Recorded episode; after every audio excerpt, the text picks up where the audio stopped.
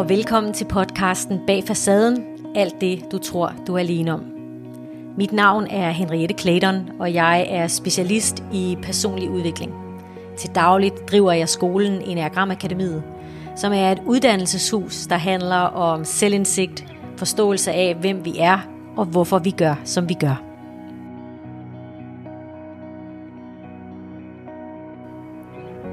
Hej kære lytter, og velkommen til endnu en episode af Bag Facaden. Jeg har glædet mig rigtig meget til at lave den her episode, fordi i dag skal vi tale om noget af det, som jeg synes er allermest essentielt for os mennesker at være bevidste om, og måske også at øve os i, og det er tilgivelse. Fordi tilgivelse er noget af det smukkeste, vi kan gøre for os selv og for vores omverden i virkeligheden også. Og så er det jo båret af en stor selvkærlighed. Og øh, i dag er brevkassedag, det vil sige, at vi i dag har et øh, brev, vi skal tage udgangspunkt i med en kvinde, som har skrevet til os lige præcis med nogle spørgsmål omkring øh, tilgivelse. Og hej Julia. Hej. og velkommen også til dig. Tak. Det er dejligt at være her ja, igen. Det er, ja, det er super dejligt at være her igen. Mm. Og øh, jeg ved, at du også har en historie, du gerne vil dele med os lidt senere omkring tilgivelsens væsen.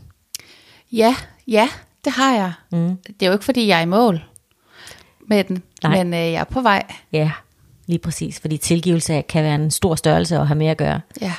Øh, og det tager nemlig tid, og især når der er virkelig meget sådan følelsesmæssigt på spil, kan mm. det tage rigtig lang tid at, ja.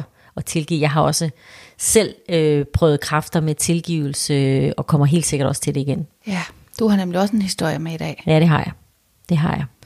Men skal vi ikke starte med vores brev? Jo. Vil du ikke læse det op for os? Det kan du tro, jeg vel. Det er Vivian, der har skrevet til os. Ja. Og hun skriver, øh, kære jer, jeg blev skilt fra min mand efter 10 års samliv og 14 års ægteskab i 2020. Han gik fra alt fra den ene dag til den anden, fra vores to skønne piger og mig. Det kom som et chok for mig, han havde fundet en anden. Jeg har været i sorg og benyttet mig af psykolog med mere. Og jeg har et motto hængende, du bliver hvad du tænker, som jeg arbejder bevidst med. Jeg er i fuld gang med positive forandringer og har fundet ud af, at jeg har haft alt for meget ansvar taget til mig, inden min eksmand gik. Syge forældre, børn med særlige behov og et arbejde, hvor jeg også skal gøre noget for andre, og en mand, jeg skulle gøre glad, troede jeg der. Jeg er ved at skabe plads til mig og tage ansvar for mig. Det er en rejse, og jeg er påvirket af, at jeg ved, at relationer er så vigtige, men det er også her, det er svært. Mit spørgsmål er, hvordan får man igen opbygget gode relationer, når man har svigt med i bagagen? Hvordan mærker man tilgivelse, som er vigtig for at give slip og komme videre? Jeg tænker, jeg er en sekser i enagrammet, og har mange ligheder med type 2. Kærlig hilsen, Vivian. Ja. Yeah. Jamen, øh, tusind tak for brevet, Vivian. Og øh, det er jo nogle sådan eviggyldige øh, spørgsmål, du stiller, og jeg øh, øh, er utrolig glad for, at vi har fået lov til at få et lille indblik i din verden, så vi kan bruge øh, det her fine øh, det her fine eksempel, du giver os, og de her indsigtsfulde spørgsmål, som det er. Øh, fordi det er fuldstændig rigtigt, at relationer er ganske essentielle i vores liv. Mm.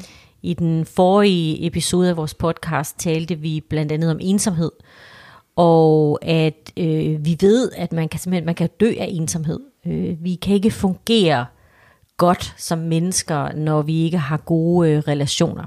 Og det har Vivian jo luret her. Hun har luret vigtigheden af at have gode relationer, og ture at være i relation med andre, selvom vi tidligere er blevet svigtet. Og øhm, jeg har lyst til at starte med at anerkende, hvor stor en ting det er at blive forladt. Hvor stor en ting det er, når et ægteskab opbrydes. Hvor stor en ting det er, når en familie pludselig skal omstruktureres, og den ene part vælger at gå fra den anden. Og øhm, når vi skal tale om tilgivelse, hvis vi skal starte der, så har tilgivelsen jo faser. Tilgivelsen og processen efter det at være blevet forurettet, blevet uretfærdigt behandlet, den har en tid.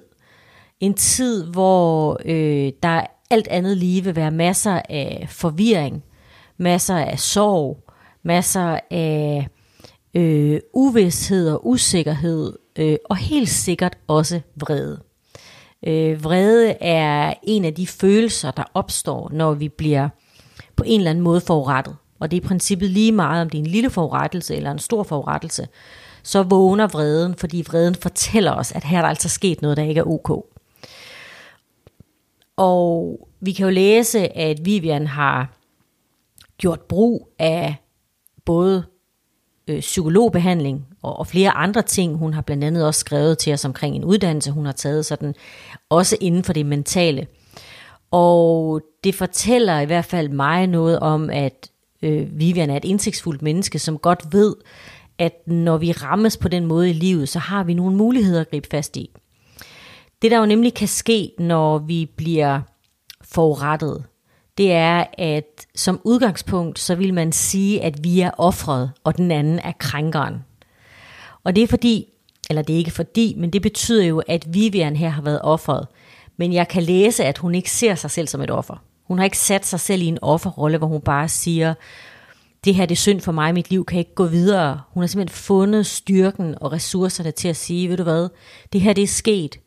Det er sådan, det er. Det føles øh, voldsomt og overvældende, men jeg har tænkt mig at komme videre.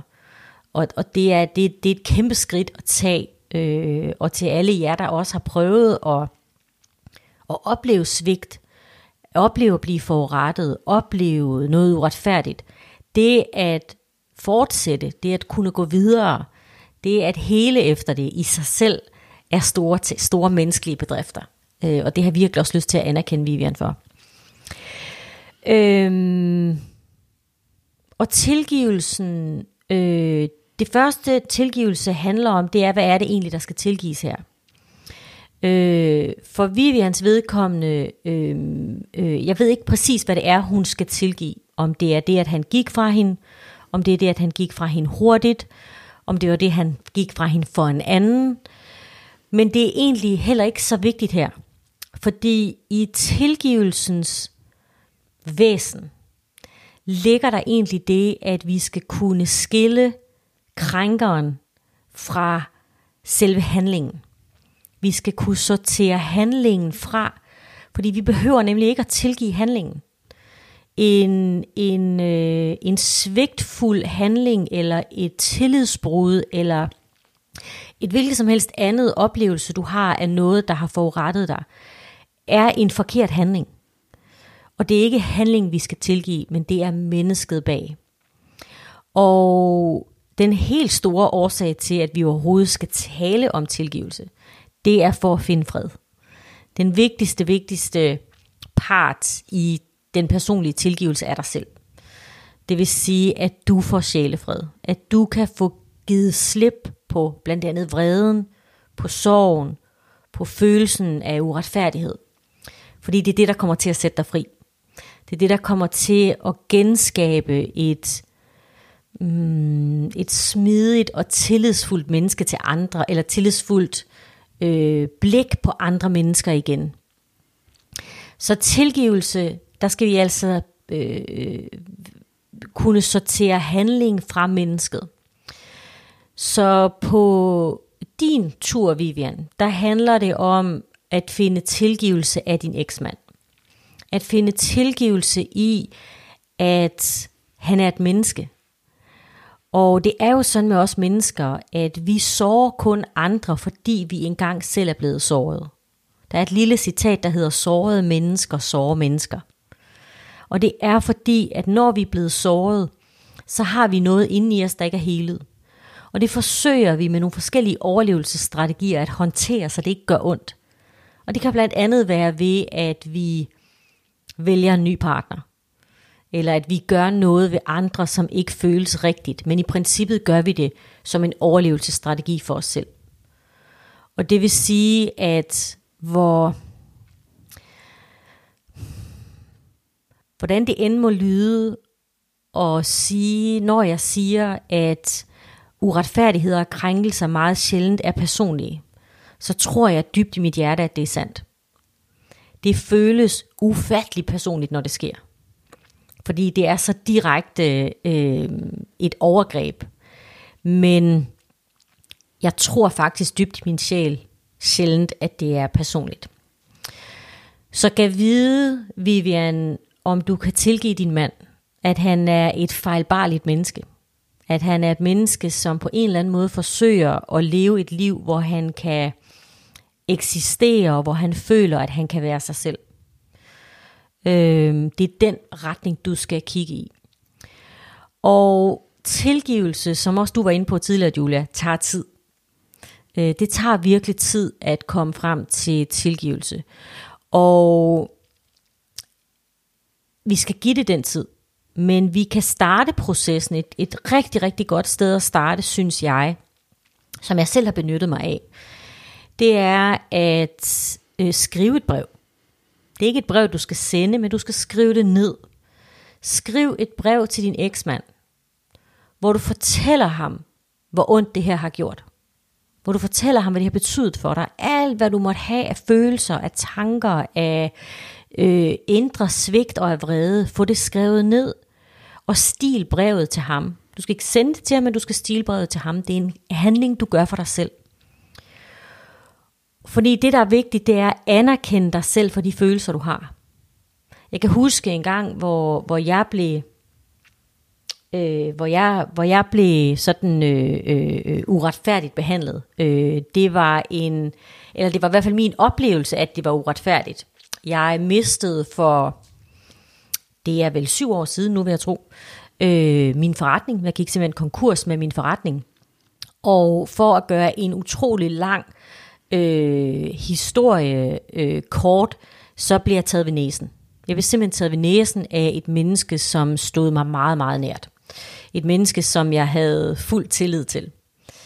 Og udover oplevelsen af det svigt, der ligger i at blive ført bag lyset, så var der også det her enorme tillidsbrud. Et menneske, som jeg havde fuld tillid til, som så svigtede. Mm. Og øh, det første lange, lange stykke tid, der skal jeg være øh, fuldstændig ærlig og erkende, at jeg var meget, meget hævngærig. Jeg var vred. Jeg var rasende.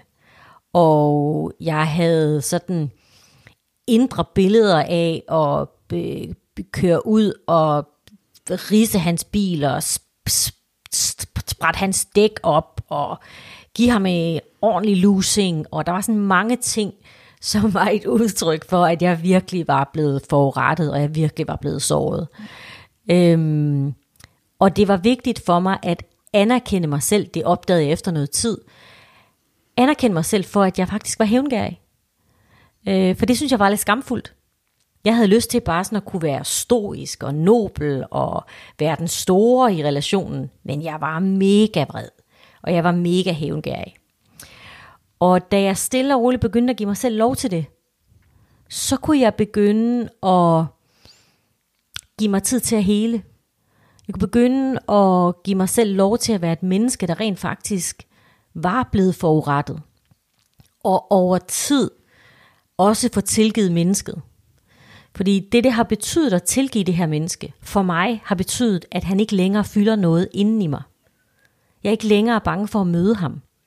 Jeg er ikke længere... Øh, øh, jeg bliver ikke længere provokeret, hvis jeg hører nogen tale om ham, eller øh, hvis jeg på en eller anden måde øh, falder over ham på de sociale medier, eller hvor det nu kunne være. Og det betyder, at det er blevet sat fri af mit indre.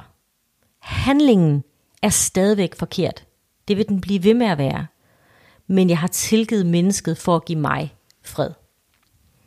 Så jeg tror, at mit første råd til dig, Vivian, er at give dig selv lov til at anerkende alle de følelser, du har haft.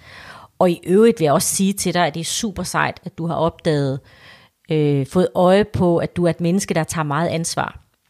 Øh, fordi det at tage meget ansvar er byrdefuldt, og det betyder at givetvis, at du er kommet til at sætte dig selv bagerst i bussen. Nu lyder det som om, du har sat dig helt frem i bussen. Måske har du endda sat dig ved rettet. Øhm, og stille og roligt begynder at fokusere på dig, og at det er dit ansvar at tage dig af dig, ikke af andre. Øhm, og jeg tror på, at tid vil hjælpe dig.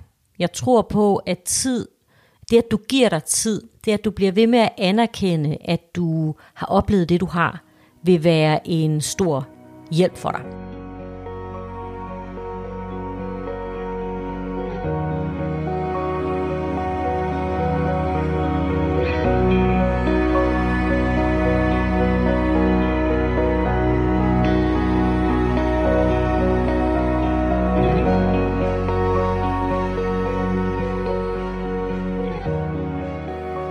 En anden ting, jeg lige kommer til at tænke på, som, øh, som jeg har lyst til at dele med, med dig, Vivian, og også med alle de andre, der lytter med i øvrigt, det er, at øh, da jeg gik øh, konkurs, tog jeg det meget personligt. Jeg blev meget skamfuld over det, fordi jeg synes, det sagde alt muligt dårligt om mig. Det sagde alt muligt om øh, mine menneskelige evner og min menneskelige karakter, at jeg var, at jeg var gået konkurs. Og øh, jeg gik til nogle samtaletimer hos en kvinde, som skulle hjælpe mig med at komme på plads med alle de her ting, jeg gik og tumlede med inde i mig selv. Og en dag så sagde hun til mig, og hvad så, at du er gået konkurs? Hvad så? Det sker. Det sker for os mennesker, at der, vi oplever noget, som vi ikke havde forudset, som vi troede kun skete for naboen. Og på en eller anden måde, så øh, gav det mig en helt enorm ro. Det satte mig enormt meget fri, fordi vi mennesker kommer til at opleve svigt. Det, sådan er det bare. Vi kommer til at opleve svigt, vi kommer til at opleve tillidsbrud, vi kommer til at opleve tab. Livet er ikke en lige vej. Der kommer til at ske ting, som vi synes er uretfærdige, og som vi ikke har fortjent. Men jeg synes bare, at livet har vist mig, at det handler ikke om, hvad vi har fortjent. Det handler mere om, hvordan håndterer vi det, der nu sker i vores liv. Så hvis det på nogen måde øh, kan gives videre i sådan min, min lille, måske ikke helt så, så snorlige formulering, så sker ting bare for os mennesker her i livet. Mm.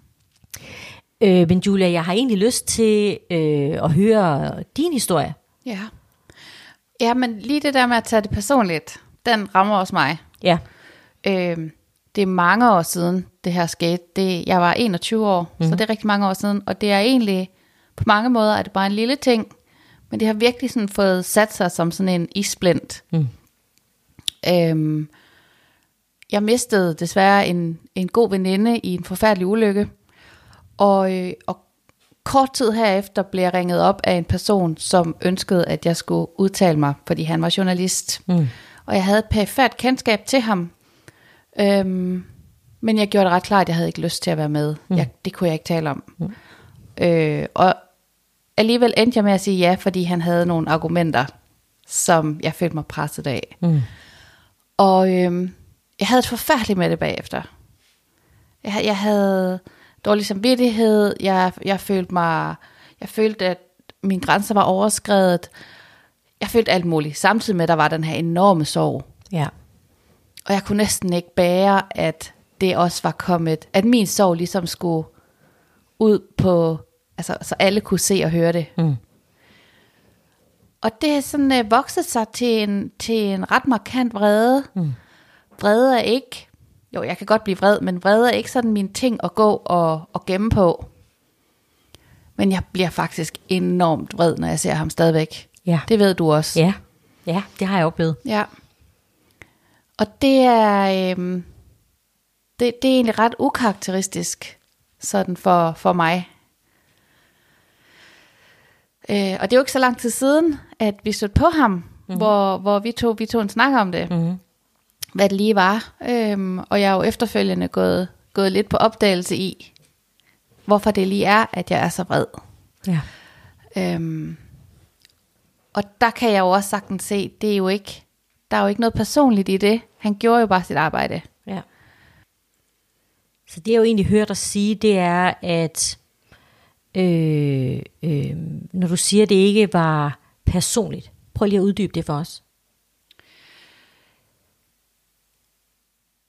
Jamen, han, han gjorde jo ikke noget for at såre mig. Nej. Han har jo faktisk heller ikke gjort en forkert handling, anden at jeg måske stadigvæk synes, at han, at han pressede for hårdt på i forhold til, hvad der var rimeligt. Ja. Men grunden til, at den sådan har plantet sig i mig, er jo, at er jo min sårbarhed på det tidspunkt, der gjorde, at, at hans handling fik lov til at sætte sig Ja. så dybt. Ja.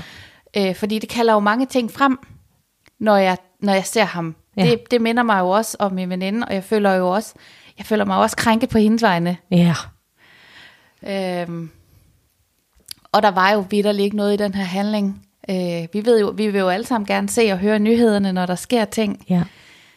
Men øhm, det, det blev for mig øh, sådan essensen af en masse ting, der var forfærdelige lige der. Mm. Ja. Så, så, så besluttede du dig for et tidspunkt for, at du måtte tilgive ham, eller, eller hvordan? Fordi det her, det er jo også en historie om tilgivelse, det ved jeg. Mm.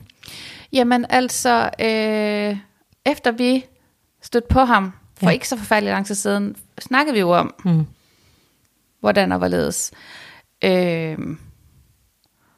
og jeg, jeg synes jo heller ikke, det er fedt, at der er et menneske, som, som jeg har set mig så vred på, Mm. forholdsvis uforskyldt. Mm. Øhm, og jeg synes jeg egentlig heller ikke, jeg gider bruge mere tid på det. Nej. Så, øh, så jeg, jeg har prøvet, jamen jeg, har- jeg har tænkt igennem, hvad det egentlig er, øh, det har repræsenteret for mig. Mm. Og, øh, og jeg kan sådan mærke, at, at jeg er sådan ved at gøre klar til at, at slippe det. Ja. Altså nu har jeg besluttet mig for, at næste gang jeg ser ham, så hilser jeg på ham. Fantastisk. Øhm, og jeg, jeg, jeg prøver på at tænke pæne tanker Ja. om ham, og venlige tanker. Ja. Det rimer på øh, sætningen, som Vivian har skrevet til os, der hedder, du bliver, hvad du tænker. Ja, ja det gør det. Ja. Det Ja. gør det. Og du Ja. spurgte mig, øh, du spurgte mig før, hvor langt, hvor, Ja. hvad du sagde, hvor langt, Hvor er du i processen? ja, hvor, hvor langt er jeg i processen? Hvor jeg sagde, at jeg tror godt, jeg kan se målstregen. Mm. Ja. Altså, jeg gider ikke, øh, jeg gider ikke bruge tid på at blive vred og ked af det, Mm. hver gang jeg sidder på hans navn. Nej. Og er der, kan, du, kan du sætte ord på, hvad der har ændret sig inde i dig? Hvordan er det anderledes i dag? Altså, der er jo selvfølgelig gået tid. Øh, tid gør jo noget Ja. ved sorg. Ja. Øhm, smerten er ikke så, så intens længere. Mm. Øh, måske er det også fordi, at, at jeg har lavet noget, noget arbejde med mig selv. Jeg Ja. ved det ikke. Ja. Øh, jeg kan i hvert fald bare mærke, at, at jeg har holdt for krampagtigt fast i den der vrede. Og Ja.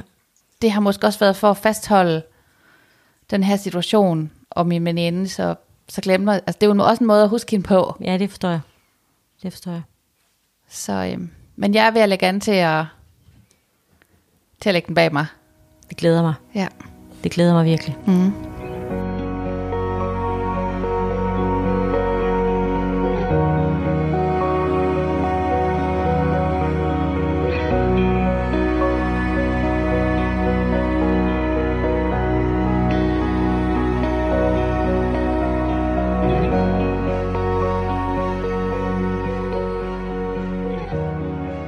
For, øh, for historien, Julia, som jeg jo virkelig synes er et udtryk for, hvordan tilgivelsesprocesser er meget forskellige. Nogle tager meget lang tid, og andre lidt kortere tid.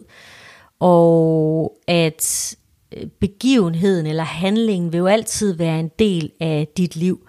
Det vil altid være en del af din historik, men hvordan du tager det med videre i dit liv, det har vi faktisk selv noget kontrol over. Det har vi faktisk selv nogle muligheder for at kan være med til at hjælpe igennem tilgivelse.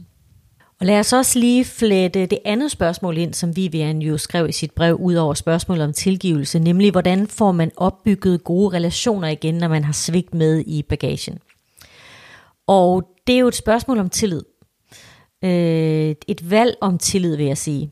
Et, øh, et spørgsmål, som jeg tror, øh, Vivian vil få hjælp øh, til, eller få støtte til igennem sin tilgivelsesproces. Fordi det at have tillid er jo et langt stykke hen ad vejen også noget, vi vælger. Tillid betyder jo, at jeg har tillid til, at du gør det så godt du kan. Det betyder, at jeg har tillid til, at hvis du på nogen måde kan undgå det, så svigter du mig ikke igen. Vi ved ikke, om vi bliver svigtet igen. Det ved vi ikke. Vi ved ikke, hvornår vi mister hinanden. Vi ved ikke, hvad der kommer til at ske i morgen. Men vi kan vælge at have tillid til det gode. Tillid ligger jo i kærligheden. Altså den selvkærlighed, som Vivian i høj grad er i gang med at kultivere, både igennem at tage ansvaret for sig selv, men også igennem tillid, eller stor øh, tilgivelse. Og kærlighedens vej er også tillidens vej. Øh, at vi vælger at gå på kærlighedens vej, at vi vælger at sige, jeg vil, jeg vil hellere tro på det gode, end jeg vil frygte det dårlige. Og vi ved jo, at Vivian givetvis er type 6 i enagrammet. Og når man er 6 i enagrammet, så er der to ting, vi kan sige i den her retning omkring øh, øh, øh, Vivians brev. Det ene er, at det vil have været øh, voldsomt at miste familiefundamentet. Det er en enorm stor ting, når man er sekser, at det fundament, jeg står på, er stabilt. Den anden ting er lige præcis tillid. Og tillid er i virkeligheden sådan livsvejen eller udviklingsvejen for de fine sekser. Altså en, fordi sekser er, har en overlevelsesstrategi, der handler om hele tiden at være vågen over for, hvordan kan jeg undgå, at der sker noget dårligt. Hvordan kan jeg undgå, at der støder noget til, som jeg ikke er forberedt på? Og det kan man ikke. Man kan ikke undgå noget her i livet. Det vi i stedet for kan, det er, at vi kan have tillid til, at selvom der skulle ske noget dårligt, selvom jeg bliver svigtet igen, så ved jeg, hvordan jeg skal håndtere det. Svigt behøver ikke at sætte vare i men i hjertet. Svigt kan godt være en del af vores liv, uden at vi behøver at se svigt eller tillidsbrud i øjnene på de nye mennesker, vi møder. Så tag tilliden i hånden. Det er okay at være bange. Det er okay at være usikker. Det er okay at være øh, frygtsom nogle gange i vores relationer. Tal om det. Sig det. Del det. Og have briller på, der ser kærligheden i de mennesker, du er sammen med, frem for frygten for, at de forlader dig. Og øhm, jeg har egentlig lyst til at sådan øh, afrunde med et lille citat. Et citat af Alexander Pope, en øh, engelsk poet, helt tilbage i 1600-tallet, tror jeg. Han sagde, at fejle er menneskeligt, at tilgive er guddommeligt. Og øh, hvis vi kan vælge at sige ja til noget guddommelighed i os selv, så går vi virkelig på kærlighedens vej. Og det er det, der både skal hele os, det er det, der skal hjælpe tilgivelsen. Det er det, der skal gøre, at, at vi kan vise vores næste og vores børn, at vi kommer ingen steder med at holde fast i hævnen, holde fast i forbedrelsen eller i offerrollen. Vi har et ansvar, og det er måske det vigtigste ansvar, vi har for at passe så godt på os selv og, og hinanden som overhovedet muligt. Så jeg håber, Vivian, at, at du måske har fået et lille tip til, hvordan du kommer videre med din tilgivelse. Giv den tid, den kommer og går. Øh, øh, nogle gange så kan vi have en oplevelse af, at vi er færdige med at tilgive, og pludselig så opdager vi, at det var jeg så ikke helt.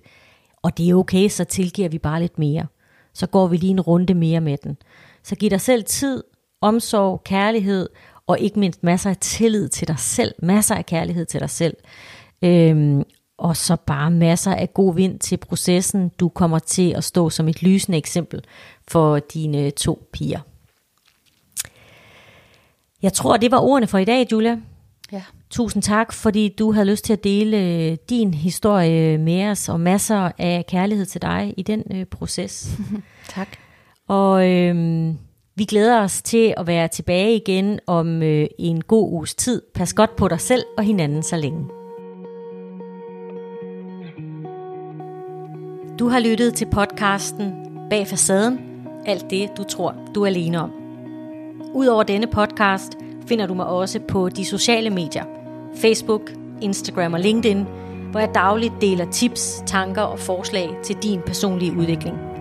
Du er også velkommen på min hjemmeside www.henrietteklæderen.dk.